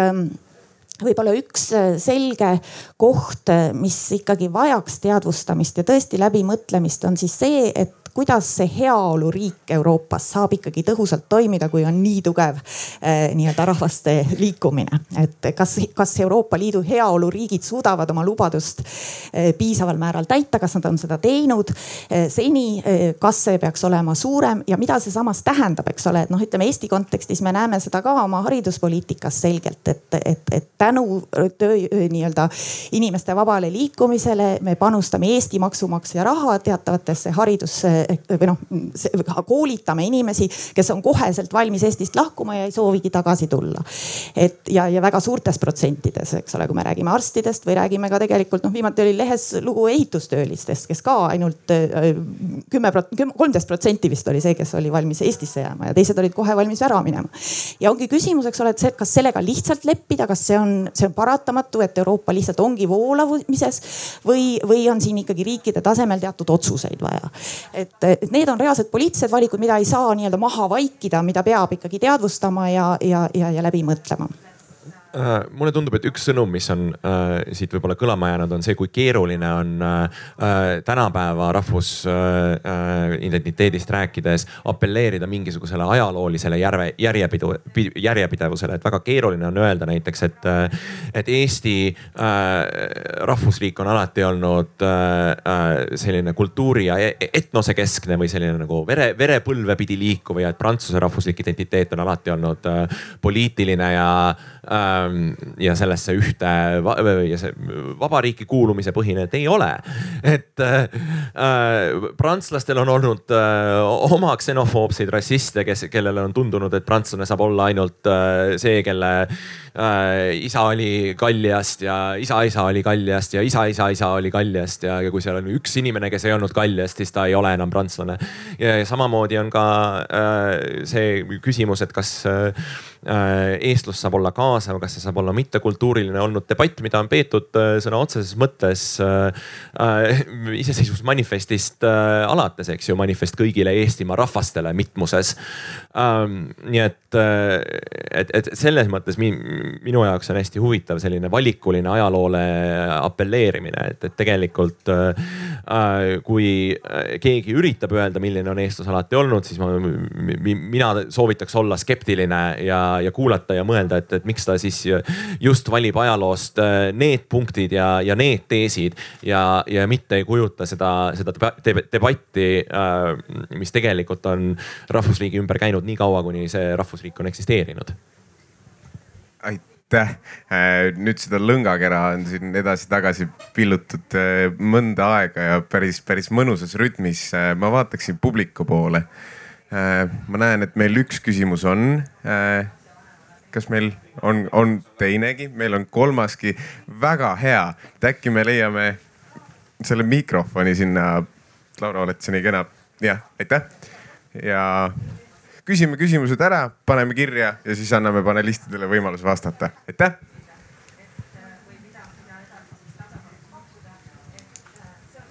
tervist, Raido Illak, Isak on poliitikahuviline, et äh, sihuke huvitav küsimus, et äh, Äh, aina rohkem oleme me näinud siis äh, ka vasakäärmuslaste äh, siis tembeldamist lihtinimesi, kes on võib-olla lihtsalt rahva, rahvahuvilised, riigi, riigi armastajad. et nad on automaatselt võõravihkajad, nad on, kasutavad tihti, ma olen kindel, et meie esindaja Californiast on näinud, kus vasakliberaalsed lihtsalt kasutavad natsi ka tembeldamiseks. et kuidas me saaksime tulevikus tulevikus näiteks äh, normaliseerida seda, et äh, ükskõik millisel poliitilisel spektrumil äh, inimene võib siis asetada, ta võib ikka olla uhke iseenda rahvuse, iseenda traditsioonide ja oma riigi traditsioonide üle. aitäh. aitäh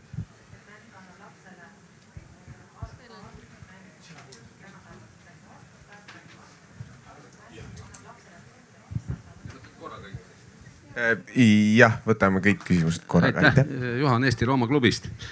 tähendab, ma loen pealkirja, et äh, rahvusidentiteedi koht tulevikus ja mul on tekkinud niisugune kolmetasandiline argumentatsioon, et, et sellel rahvuslikul identiteedil ei ole erilist kohta tulevikus. kõigepealt see esimene tasand täna siin Te rääkisite pikalt, püüdsite määratleda, mis on rahvuslik identiteet, rääkisite väga pikalt oma geneesist, aga sellest äh, tuleviku prognoosimisest te pigem nagu hoidusite, üks tasand. teine tasand on meie armsa Eesti tasand. vot kui meie väga progressiivsed erakonnad äh, püüdsid seda alternatiivset äh, koalitsiooni kokku panna ja kirjutasid ühe paberi siis mida nad tahavad ja mismoodi nad näeks, et Eesti hästi toime tuleks ja rahval siin hea elada oleks, siis, siis selles paberis puudusid sõnad eestlane ja eestikeelne. ja kui ma nüüd võtan ülemaailmse tasandi, on olemas ju ÜRO kehtestatud säästva arengu eesmärgid. Need ei sisalda mingisugust rahvuslikku mõõdet, aga Eesti pani ise juurde rahvuskultuurilise mõõte, eks ole ja nüüd äh, Rooma klubi üllitas ühe raporti väga hiljuti, äh, milles pakuti stsenaariumi, kuidas oleks võimalik jõuda nende, nende säästva arengu eesmärkide täitmiseni, sest kui neid ei täideta, siis tsivilisatsioon meil, eks ole, variseb kokku. ja seal see mõõde praktiliselt peaaegu puudus kultuuriline mõõde oli, aga noh, jääb mul mulje selles mõttes, et rahvus, mitte selles mõttes, et ma kuidagi alahindaks rahvuslikku identiteeti või ise ma seda isiklikult ei väärtustaks, aga, aga nähtavasti teised faktorid, seesama ressursside lõppemine ja, ja looduse hävitamine, et, et need on noh, niivõrd mitu suurusjärki kangemad faktorid, et, et see rahvuslik identiteet sealjuures ei mängi mitte mingit rolli, nii et äh, vabandage, et olin natuke võib-olla liiga kaugel teie sädeleva mõttekildude sfäärist. väga õige kriitika, ma pean endale tugevalt tuhka pähe laputama, sellepärast et me oleme siin äh, ajale jalgu jäänud tulevikus peaks rohkem rääkima, aitäh. Äh, jah, mina näen äh, või no jagan seda mõtet, et rahvuslus kui fenomen on Prantsuse revolutsiooni järeltoode ja samuti, mida Prantsuse revolutsioon tekitas, et ta siis äh, põhimõtteliselt lõhkus need kõik traditsioonilised suhted, noh, niinimetatud aadli ja pööbli vahel ja siis lõi põhja ka sellele noh, praegusele konfliktile, mis võib-olla äh, näiteks lihtrahval on kas siis poliitilise eliidi või finantseliidi vahel. ja siis ma haarasin sellest mõttest kinni. Äh, et, et rahvuslus mis siis põhineb sellisele no jagatud etnosele, jagatud tugevale traditsioonilise kultuurile, loob siis sellise ühise noh kuul-, ühise, ühise kuuluvuse tunde äh, kõrgklasside või siia siis madalamate klasside vahel. et kas see võib-olla oleks tuleviku jaoks selline hea retsept, et on selline tugev jagatud äh, rahvusidentiteet, mis põhineb siis just kas siis või etnosel või siis jagatud traditsioonilisel kultuuril, et võib-olla siis tulevikus ära hoida konflikte riigisiseseid aitäh. Äh, kas meil on eelistusi? kas hakkame vastama jah? jah mm. -hmm. meil on üks küsimus kuskil veel. praegu ei tundu okay.. ega vist, aitäh ma võin nii natuke niimoodi valikuliselt lihtsalt kajada vastu erinevatele küsimustele alustuseks. et kõigepealt see küsimus rahvusuhkusest, et ma natukene laiendaksin seda kirjeldust, mida me õieti tahaksime siis tunnustada, et kas me peame tingimata tunnustama rahvusuhkust kui ühte äh, tunnet või peaksime tunnet, tunnustama ikkagi tõepoolest siis seda niisugust rahvuslust kui teatavat mm, moraalselt ja poliitiliselt motiveerivat kuuluvustunnet ehk siis uhkus on selle üks väljendusi, selle täpselt samasuguse heaks väljenduseks võib olla häbi. Eh, või võib olla isegi süü ehk siis eh, mitmesugused erinevad eh, moraalsed emotsioonid käivad asja juurde ja on väga olulised. ja, ja, ja kui me jääme selle uhkuse juurde, siis see uhkus on tõesti midagi, mis võib olla mõnede jaoks pelutav. ehk siis uhkus on, on ka teatud määral, eks ole, nartsissistlik. ma, ma naudin olemist, seda olemist, mis ma olen ja pöörangi tähelepanu ainult headele külgedele. aga mulle meeldib natuke rohkem selline, selline tõesti mm, reflektiivne hoiak laiemalt. ehk siis, ehk siis arusaam tõepoolest oma juurtest, oma kuuluvusest, oma teadmiste horisondist. kindlasti see ei ole välistav, sest ma arvan, et, et nii meie siin poodiumil kui ka tegelikult inimesed laiemalt, kõigil meil on tegelikult ka mingisugused muud lojaalsused rahvusluse kõrval. ja, ja, ja paljude jaoks on, on, on, on, on, on see ainult üks nii-öelda nendest asjadest, mille pärast me muretseme aga igal juhul on tähtis see seos meiega, ehk siis see on see on see niisugune enese, enesega seotuse tunne või minuga seotuse tunne, mis on motiveeriv ja, ja annab meile nii-öelda vastutuse. Äh, aga tõesti, äh, see on, see on oluline küsimus sellepärast, et, et ähm, äh, me ei ela suletud ruumis. et võib-olla siin Eestis on rahvuslus endiselt veel noh, ütleks niimoodi enam-vähem neutraalne termin ka. et me võime seda kasutada juba ka nii-öelda kriitiliselt, ma ei ole mingi marurahvuslane, eks ole, võib öelda. Kuid kui ma ütlen, et ma olen rahvuslane, siis noh, enamus ei, ei, ei võpata vähemasti, eks ole. me mõtleme, et ja selge, see on midagi normaalset. see ei ole päris sama asi öelda I m a national nationalist, eks ole see on, see on täitsa selgelt, selgelt midagi muud ja, ja, ja, ja me peame lihtsalt tunnistama, et erinevates keskkondades, erinevates keeleruumides on, on sõnadel erinev tähendus, erinevad esmased äh, assotsiatsioonid, mida need tekitavad. ja, ja, ja nationalism inglisekeelse terminina kannab es, esimesena ikkagi ka niisugust ähm, noh, niisugust väga selgelt juba agressiivse või, või, või vähemasti siis, siis enesekeskse äh, hoiaku tähendust ja, ja selles mõttes me jäämegi seda asja seletama eh, eh, muus keeleruumis ja, ja peame ise samas mõistma teiste eh, keeleruumide problemaatikat, see on lõppematu ülesanne, sest maailm on komplitseeritud. aga, aga, aga mis on küll huvitav tõdeda, on siis, on siis see, et praegu, eks ole, defineeritakse seda debatti sageli kui globalistid versus natsionalistid. Ja noh, ingliskeelses ruumis, eks ole, ja nüüd see on ka Eestisse imporditud niimoodi ja, ja nüüd selgelt siin Eestis annab seda globalisti tikutulega otsida, et kes kuulutab ennast siis nüüd globalistiks, püha müristus, kes on siis nüüd see, kes, kes nii, niimoodi ausameelselt kohe ütlebki, et noh, et täiesti, et, et, et, et, et, et ei olegi mingisugust nii-öelda identiteet ei ole oluline või et ei ole oluline eh, ka, ka riiklus. Ehk siis ma arvan, et väike rahvana on see tunnetus, et ega, ega riikidest nii kerge ei olegi vabaneda. Meil siin eh, laiemalt levinud, see on, see on midagi, mis on on kultuuri ja ajalooga äh, seotud. Ja, ja, ja on huvitav jah tõdeda, et on tugev laine ikkagi, ikkagi ka praeguses äh, nii-öelda ingliskeelses debatis, kus inimesed ütlevad, jah, midagi on ikkagi valesti läinud, et peaksime ikka vaatama, mis need äh, kollektiivsed identiteedid riikide tasemel teevad, et ja, et on ikka mindud liiga kaugele, eks ole, noh, seesama neoliberalism, mida globalismiga sageli või noh, mille kaudu globalismi defineeritakse, on, on, on see, mis on nagu täiesti ära tühistanud selle, et peaks mõtlema ka ka tõesti nüüd peaks mõtlema Ameerikast kui sellisest, Ameerika kodanikest, et kuhu need asjad viivad ja, või, või siis vastavalt, eks ole, Suurbritannia, mis, mille puhul on, on seesama küsimus nüüd nii, nii, nii oluliselt tõusetunud ja samas nii, nii haiglaselt poleemiliselt, eks ole, kõik, kõik lahti rullunud, aga on ka nii-öelda mõistuse hääli nende natsionalistide poolelt, kes samas otsivad seda terminit, et mille kaudu seda siis, eks ole, nüüd lahti mõtestada. äkki patriotism on kuidagi parem, siis paljud tuletavad meelde, et ei, ei, ega see patriotism ka ei ole sugugi süütu süüta loomakene, eks ole, et, et täpselt samamoodi see ajastu, kui riigid võitlevad võimu, võimu pärast ja jagavad maailma võimutsoonideks. see ajastu tunneb ka väga tugevat patriotismi retoorikat, nii et, et see on, see on jah, selles mõttes debatt, mida peetakse eri keskkondades ja, ja, ja, ja erinevas noh keeles mingis mõttes. nüüd kiire vastus veel mm, siin küsimusele sellest, et jah, mis me üldse räägime sellest kõrvalisest probleemist rahvuslus. tegelikult mingil määral ma olen nõus, et, et ja loomulikult äh, rahvuslusel ongi see omadus äh, olla inimestele emotsionaalselt nii oluline, et ta äh, kisub kaasa ja, ja tundub nagu me oleksimegi nüüd kõik poliitikateemad lahendanud, kui me oleme lahendanud selle identiteedi küsimuse, eks ole, mida me samas ju siin tunnistame, et ei suudagi lahendada. et, et tal on see, see avalikus retoorikas, diskussioonis selline potentsiaal juhtida või tõmmata kogu tähelepanu endale ja, ja hajutada niisugust mm, ütleme siis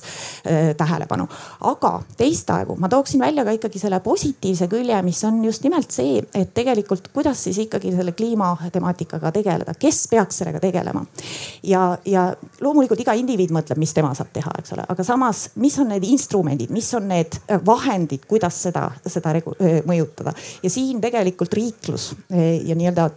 kaasarääkimine oma riigi poliitikas, mis puudutab äh, äh, kliimatemaatikat, elurikkuse temaatikat laiemalt, on ülioluline hoob. see on, see on endiselt see, mis on inimeste kätes ja, ja muidugi me võime siin kurvastada ja rääkida, et miks see Eestis on nii tagaplaanil, võib-olla ongi rahvuslus selles süüdi. aga noh, ajad on uued ja, ja, ja loodetavasti muutuvad peagi ma arvan, ma olen liiga kaua rääkinud, nii et aitab nüüd teised. ma korjaks üle selle, üles sellesama äh, kliima ja, ja rahvusluse küsimuse ka, sest et, äh, et tõesti, et äh, see, ma arvan, on üks nendest äh, võib-olla nagu kahest suurest väljakutsest, et äh, rahv, rahvusriikide tuleviku jaoks, et, et kui me mõtleme rahvusriikidest kui sellistest territoriaalselt piiratud äh, aladest, siis et võib-olla nagu kaks suurt, suurt sellist globaalset probleemi, mis on probleemid just sellepärast, et nad ei austa neid inimeste poolt määratud riigipiire. siis kas tahtlikult või tahtmatult, üks on, millest on hästi palju räägitud, on globaalse kapitali oli äh, üha äh, suurem siis sõna otseses mõttes globaliseerumine ja, ja globaalsete tarneahelate aina äh, pikemaks äh, muutumine, et sinu äh, T-särgi puuvill äh, kootakse Vietnamis äh,, kasvatatakse Vietnamis, kootakse Bangladeshis äh,, värvitakse Hiinas äh,, bränditakse Rootsis ja müüakse Eestis, eks ju äh,. ja kuidas need tulud selle, tulud ja kulud selles tarneahelas jaotuvad ja need samas ka need keskkonnatulud ja kulud ei ole sugugi mitte võrdne ja tingimata selline, nagu me tahaksime, kui me saaksime kõik äh, keskpõrandal kokku ja arutaksime need asjad äh, nagu nii-öelda võrd, võrdne võrdsega läbi. et see on see üks dimensioon ja siis teine on paratamatult need globaalsed kliimamuutused, kus äh, tegelikult ei ole oluline, kas põlevkiviõli kasutatakse Eestis või eksporditakse see kuskile, ma ei tea, Ghanasse või, või Aasia riikidesse ja siis kasutatakse ära seal selle kulu äh,, selle CO2 emissioonid on täpselt äh, samavõrdsed, sõltumata sellest, kus seda kulutatakse. nii et, et, et ka seal see territoriaalsus äh, on selgelt küsimus, mis, mis tekitab vähemalt sama palju äh, probleeme, kui ta lahendab, et kui me tahame nende küsimustega tegeleda, siis meil paratamatult on vaja mingisuguseid vahendeid, kuidas äh, suhelda ja tegutseda nende rahvusriigi piiride üleselt ähm,. nüüd samal ajal loomulikult rahvusidentiteet ja, ja selle võime mobiliseerida inimesi kollektiivselt võib olla ka määratu ressurss, et see, et me oleme näinud, kuidas see näiteks lugu eestlastest kui loodusrahvast tuhande üheksasaja kaheksakümnendatel võimaldas täiesti inimesi mobiliseerida ja tegelikult ka nüüd viimastel aastatel kõige edukamad sellised nagu massilised poliitilised liikumised Eestis on olnud suuresti seotud äh, äh, looduskaitse temaatikaga, eks ju. Eesti Metsaabiks, äh, tselluloositehase kaasus, siis samamoodi praegu see, kui, kui tegelikult kiiresti on, on lahvatanud seesama kliimamuutuste teemaline diskussioon just nimelt rohujuure tasandilt, et, et siin on jällegi nagu me peame nägema seda küsimust kompleksselt, et me ei saa öelda, et nüüd, et rahvusriik on kindlasti nagu see lahendus ja et kindlasti ta ei põhjusta ühtegi probleemi, et vastupidi, me peame nagu üritama eritleda neid äh, aspekte meie äh, rahvusidentiteedi ümber käivast diskussioonist, mis võivad olla meile abiks nende tulevikuprobleemide lahendamisel. ja samas nagu teadvustada, et, et mingisugused kivistunud arusaamad võivad olla samamoodi ka takistuseks või mingid küsimused, millega tuleb kuidagi tulevikus tegeleda küsiks kiiresti vahele ühe siukse puusalt, puusalt mõeldud küsimuse, et kui me enne kõnelesime sellest eestlasest, kellel ühes taskus äh, istub iPhone ja teises kukesenenuga, et kas äh, selline selline mõte nagu eestlasest võiks, võiks meid näiteks aidata lähemale mingite lahenduste otsimisel kliimaprobleemidele, see, et me kleebime selle äh, metsa nii-öelda enda, enda rahvus, rahvusidentiteedi külge no ma jällegi ma ei taha mingisuguseid äh, äh, normatiivseid ettekirjutusi siin anda, et mulle endale tundub, et need, need ongi need küsimused, mida on äh, mõistlik niimoodi rohujuure tasandilt äh, äh, kogukonniti äh, läbi arutada, aga, aga kindlasti äh,, et see oht, mida ma tahaks vältida, on jääda äh,. et me peame ikkagi jääma selle äh, ajaloolise ja, ja, ja, ja tänapäevase reaalsuse juurde, et me ei saa, et me peame olema kogu aeg teadlikud, millal me taastoodame mingisugust müüti, et kui me, me võime rääkida seda lugu äh, iPhone'i ja, ja seenenoaga eestlasest, aga, aga ütleme, et me peame üh, samal ajal teadvustama, et praktikas tegelikult eestlasel on ühel, ühes taskus iPhone, teises taskus teine iPhone, kolmandas taskus seitseteist plastikkilekotti ja neljandas taskus äh, Auvere põlevkivijaam. et äh, tegelikult me oleme üks kõige suurema ökoloogilise jalajäljega riike äh,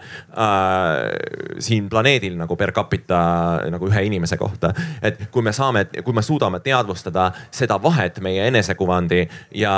reaalsuse vahel, siis jah, loomulikult see võib olla ressurss, aga selle eeldus on see, et äh, meil on tõesti nagu tahe selle reaalsusega äh, ka kokkupuudet saavutada. aitäh kui, kui veel siia midagi otsa lisada, siis ehm, võib-olla tõesti see, see, see seenenoa küsimus, see on nii apetiitne. kindlasti ta väga õnnestunud leid, eks ole, eh, aga ma ütleks ka, et, et mulle tundub, et, et niivõrd, kuivõrd teda ju tegelikult ka esitatakse sellise noh, narratiiviloome võtmes on ju, et, et ta ei ole mitte noh, väga harva ma kujutan ette, keegi kujutab, keegi, keegi arvabki, et see on nüüd autentne eestlase niisugune võrdkuju. et, et, et kui ta, kui ta on, kui ta teeb selle mida mina näen seda võib-olla jah, kui otsida sealt positiivset äh, aspekti, et siis ma näen seda pigem just nimelt selles, et, et, et see mingisugune abstraktne eestlus, millega võib-olla teinekord tahetakse kangesti samastuda või, või millele ei leita nagu head sisu, et see annab, see on üks viis sellele anda sisu ja anda talle mingisugust positiivset sisu või vähemasti asuda siis temaga ka vaidlema, eks ole, mis on väga-väga õigustatud tegevus. ja, ja, ja, ja selles mõttes ähm, kõik selline narratiiviloome minu meelest on väga teretulnud.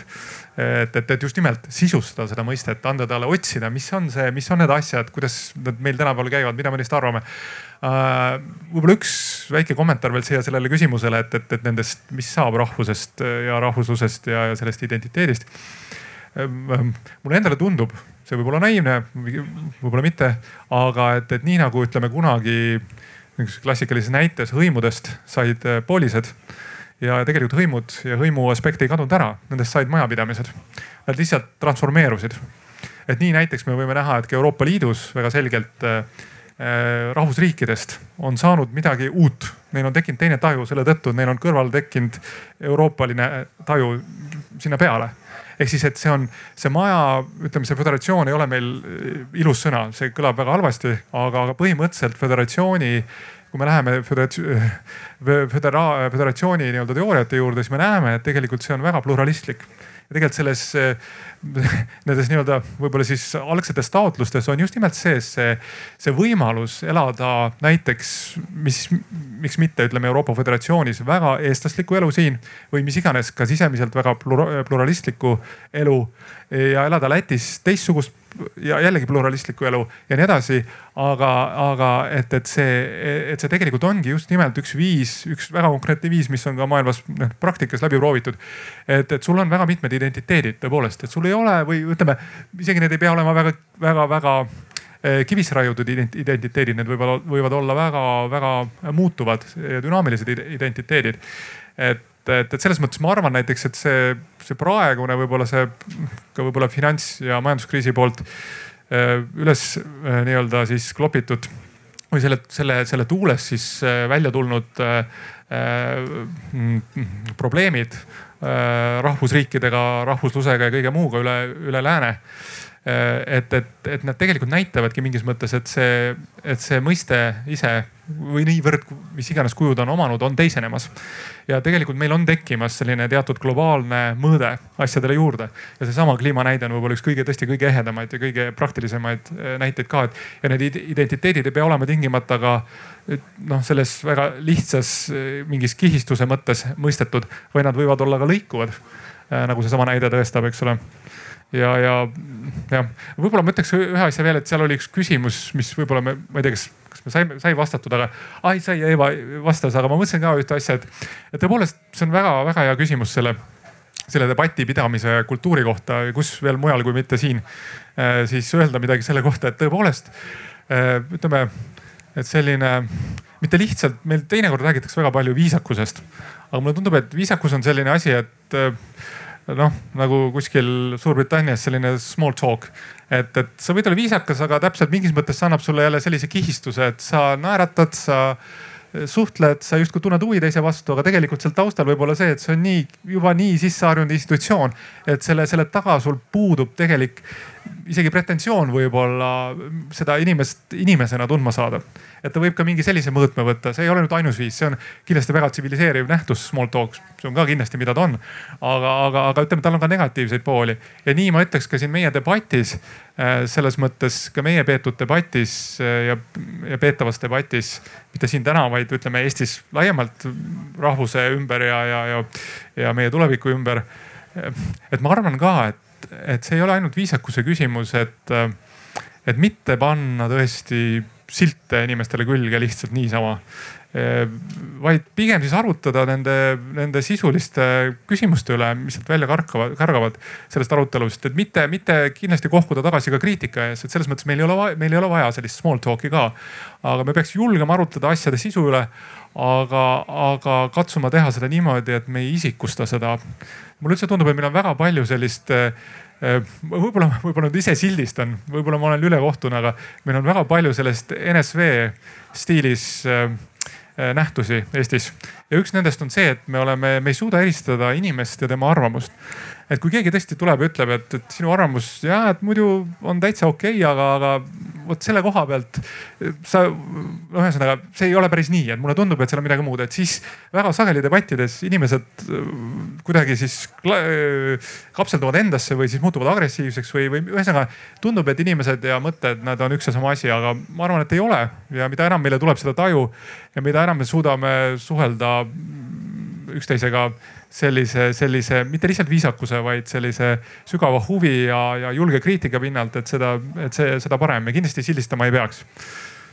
ma olen, ma olen täiesti nõus sellega, et äh, nagu me oleme algusest peale rääkinud, rahvus, rahvusliku enesetaju vorme on, on väga palju ja väga paljudel erinevatel viisidel on, on võimalik väljendada seda uhkustunnet oma rahvusliku enesetaju üle või, äh, või midagi taolist, aga ma arvan, et, et ja, ja sildistama, sildistamine kindlasti ei ole nagu tore asi äh,. ja samas ma arvan, et see on nagu mõnevõrra aktuaalne küsimus, et kui äh, on äh, mõned inimesed, keda tegelikult on Eestis äh, väga vähe äh,, neid on kindlasti vähem kui äh, seitseteist koma kaheksa protsenti või, või mis iganes oli äh,. palju-palju vähem äh,. Ja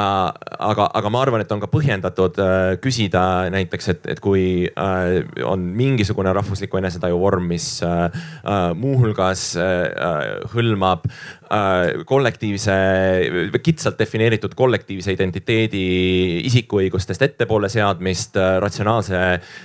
debati mittepidamist ja selle asemel sellise kihutusliku tulevikku suunatud koosolemisele, sellise agressiivsele koosolemisele põhineva meie-tunde äh, ja teatava nagu juhikultuse äh, poodiumile esitamist, siis on ka täiesti mõistlik äh, küsida, et aga mille poolest selline arusaam erineb fašismist. ja, ja siis ma arvan, et ei ole nagu, et see on põhjendatum küsimus kui see, et, et miks kedagi natsideks kutsutakse. ma võin tuua ah,. aga ma korraks vastaks ka küsimusele, et rahva üks mõte veel sellest rahvusliku identiteedi äh, või äh, rahvuskultuuri kaitse seosest äh,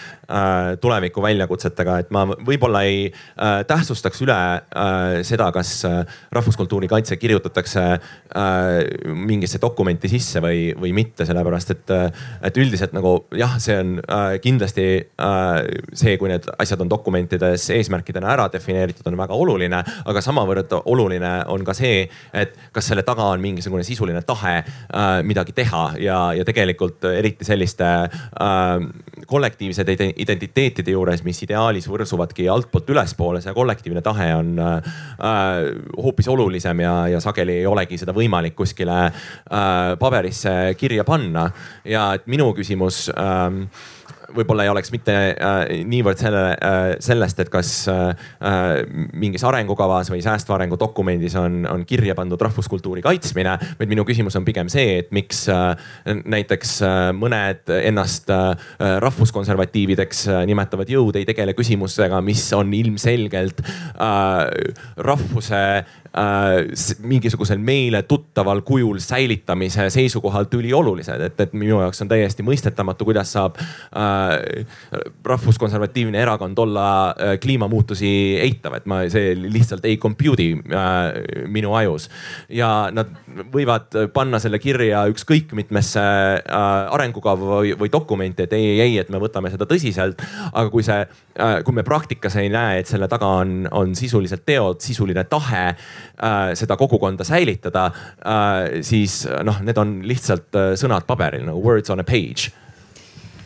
aitäh aitäh. ja mõne aga... sõna võib-olla ütleks siia no, kajaks, kajaks veel vastu selles plaanis, et noh, mis, mis siit tõesti nagu väga selgelt välja tuleb, on see, et, et, et rahvuslust ei maksa defineerida kuidagi ette. ehk siis, et see on meile niisugune sööt, millest lähtuvalt mõelda endast, millest lähtuvalt mõelda maailmast. ja, ja mis praegu ka minu meelest on üks oluline asi, mis siin diskussioonis on jäänud kõlama, on see, et otsigem oma vaadete vahelist kooskõla. ehk siis mõelgem endast mitmes plaanis. seesama äh, näide nii-öelda eestlasest kui loodusrahvast äh, või seesama äh, küsimus, mis, mis Aro hetk tagasi tõstatas, ehk siis, et mida siis ikkagi see rahvus, rahvuse säilimine tähendab. Need on, need on niisugused põhimõttelised küsimused, mis käivitavad diskussiooni, eks ole, ja tekib kohe see meie igaühe jaoks meist tekib vajadus läbi mõelda oma erinevad vaated ja otsida nende vahel kooskõla. see on tegelikult lõppematu protsess jällegi. selle kohta on olemas ka isegi peenikene filosoofiline termin ehk siis reflektiivne tasakaal.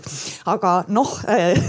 mõnede inimeste rõõmuks olgu see siin ära öeldud, kes ära, ära tunnevad. aga, aga tõepoolest see idee on laiem ehk siis, ehk siis äh, väärtustada lihtsalt kriitilist mõtlemist ja seda just nimelt niisuguses põhimõtete plaanis, mitte lihtsalt fakt versus mitte fakt, vaid ikkagi see, kuidas põhimõtted kokku käivad ja, ja kuidas nad aitavad meil maailma mõtestada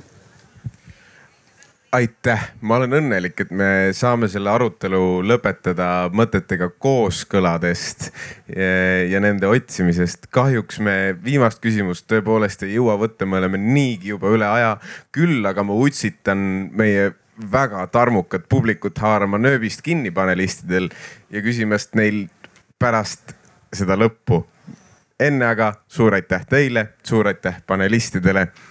nautigem tänast päeva